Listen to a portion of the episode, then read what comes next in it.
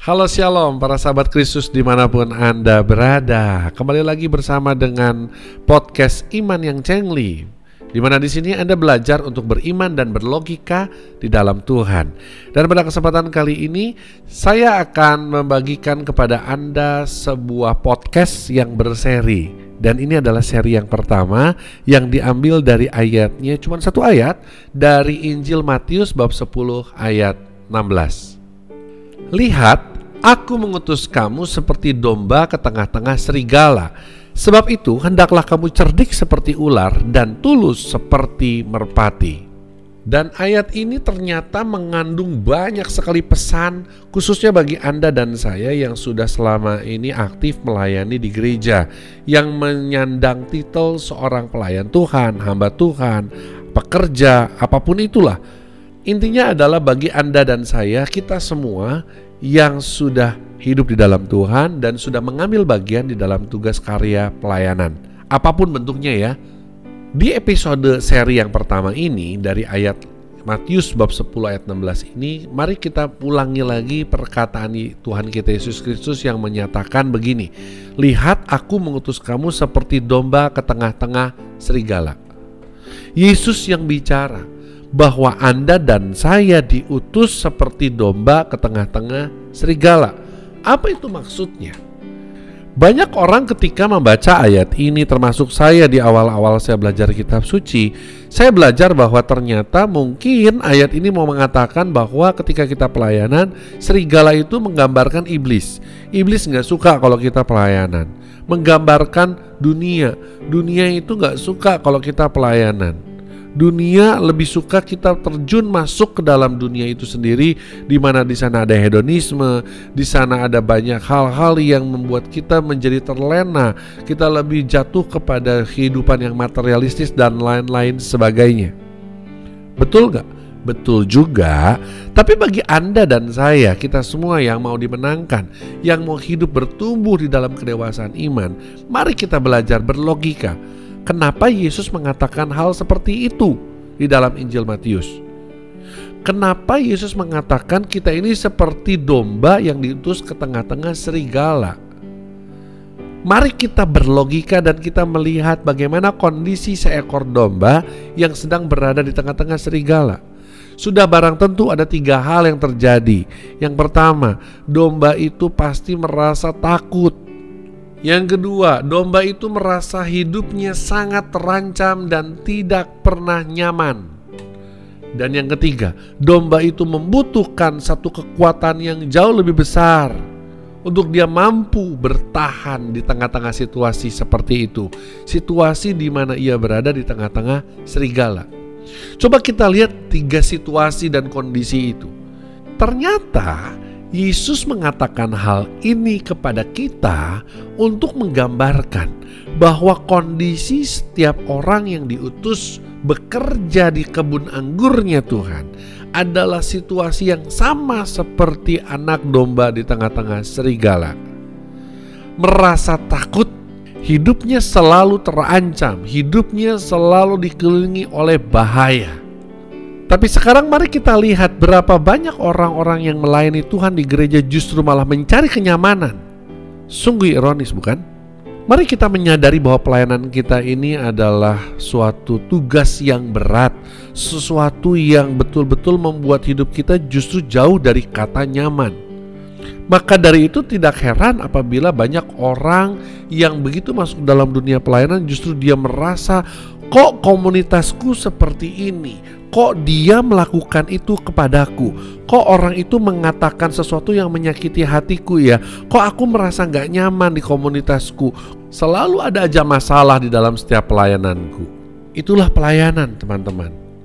Bukan untuk tempat mencari kenyamanan. Itulah makanya sangat ketara sekali orang-orang yang mencari kenyamanan dalam pelayanan Biasanya ini orang yang sering kali loncat-loncat komunitas, pindah-pindah gereja. Karena di mana pun Anda ditempatkan, pasti Tuhan akan menempa hidup Anda dengan banyak sekali ketidaknyamanan. Yang justru sebenarnya ketidaknyamanan itulah yang menyelamatkan hidup Anda. Sebab dari ketidaknyamanan itulah karakter Anda dibentuk sebagai seorang murid Kristus yang sejati. Tapi kenyataannya berapa banyak orang yang mampu bertahan? Banyak dari mereka justru malah akhirnya termakan oleh serigala dalam arti mundur. Lalu dengan dalih mungkin belum saatnya aku melayani Tuhan. Karena aku kok terlalu banyak menemukan masalah di dalam pelayananku.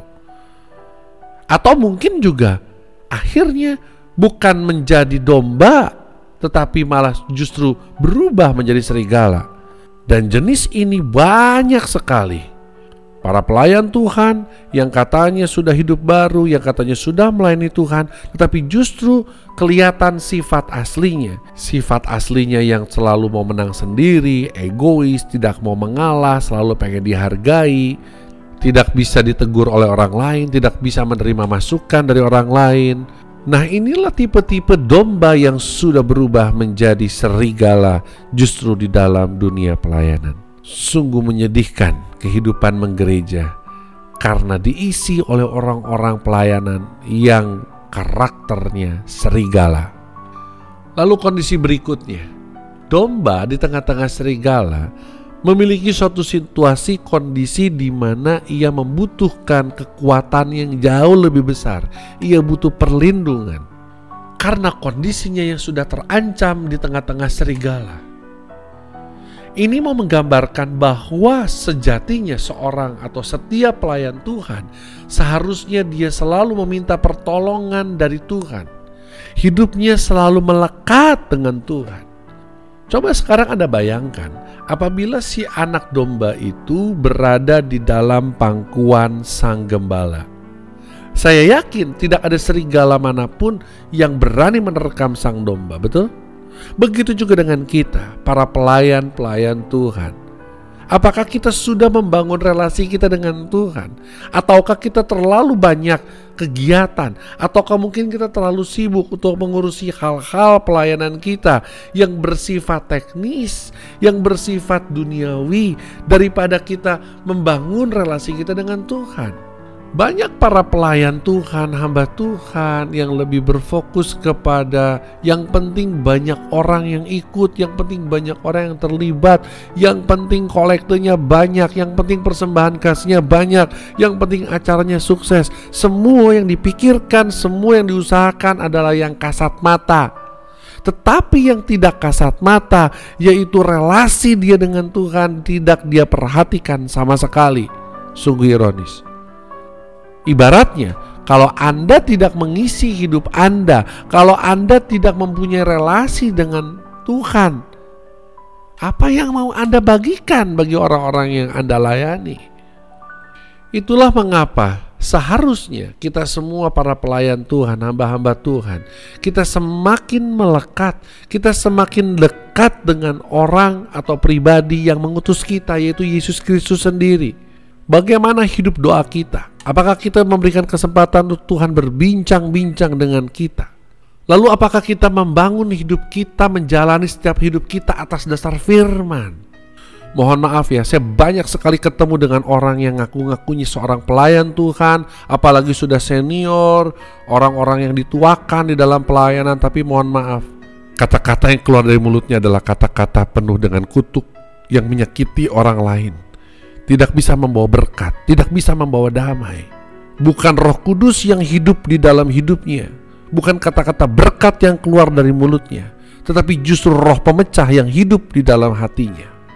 Ditambah lagi banyak sekali para pelayan Tuhan yang minta penghargaan, yang minta eksistensi, yang hanya mencari panggung dan membutuhkan tepuk tangan dari para umat dan hadirin. Dan dengan demikian sudah sangat jelas orang-orang tersebut dia bukan sedang melayani Tuhan, tetapi mereka sedang melayani diri mereka sendiri. Mereka sedang melayani ego mereka. Dan hal ini terjadi karena mereka tidak membangun relasi dengan pribadi yang mengutus mereka di tengah-tengah ranah pelayanan. Mereka terlalu sibuk untuk mengerjakan segala sesuatu yang bersifat duniawi. Mereka lupa untuk membangun sebuah relasi yang intim dengan Tuhan. Oleh sebab itu, ayat dari Injil Matius bab 10 ayat 16 kembali lagi mengingatkan kita para pelayan Tuhan di mana pun Anda berada. sadari bahwa tugas kita, perutusan kita di dunia ini sama seperti seekor domba di tengah-tengah serigala. Bahwa kita ini akan selalu terancam. Bahwa hidup kita ini tidak akan pernah merasa nyaman dan aman jika kita tidak di dalam Tuhan. Itu sebabnya pilihan ada di tangan Anda. Apakah Anda mau menjadi domba yang menjadi korban keganasan para serigala? Apakah Anda mau menjadi domba yang bermutasi menjadi serigala? Ataukah Anda mau menjadi domba yang baik di tangan seorang gembala yang baik, Tuhan kita Yesus Kristus? Mari kita terus melayani Tuhan sambil terus membina relasi yang intim dengan Tuhan.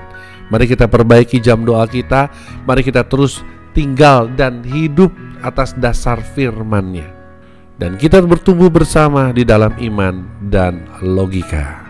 Shalom.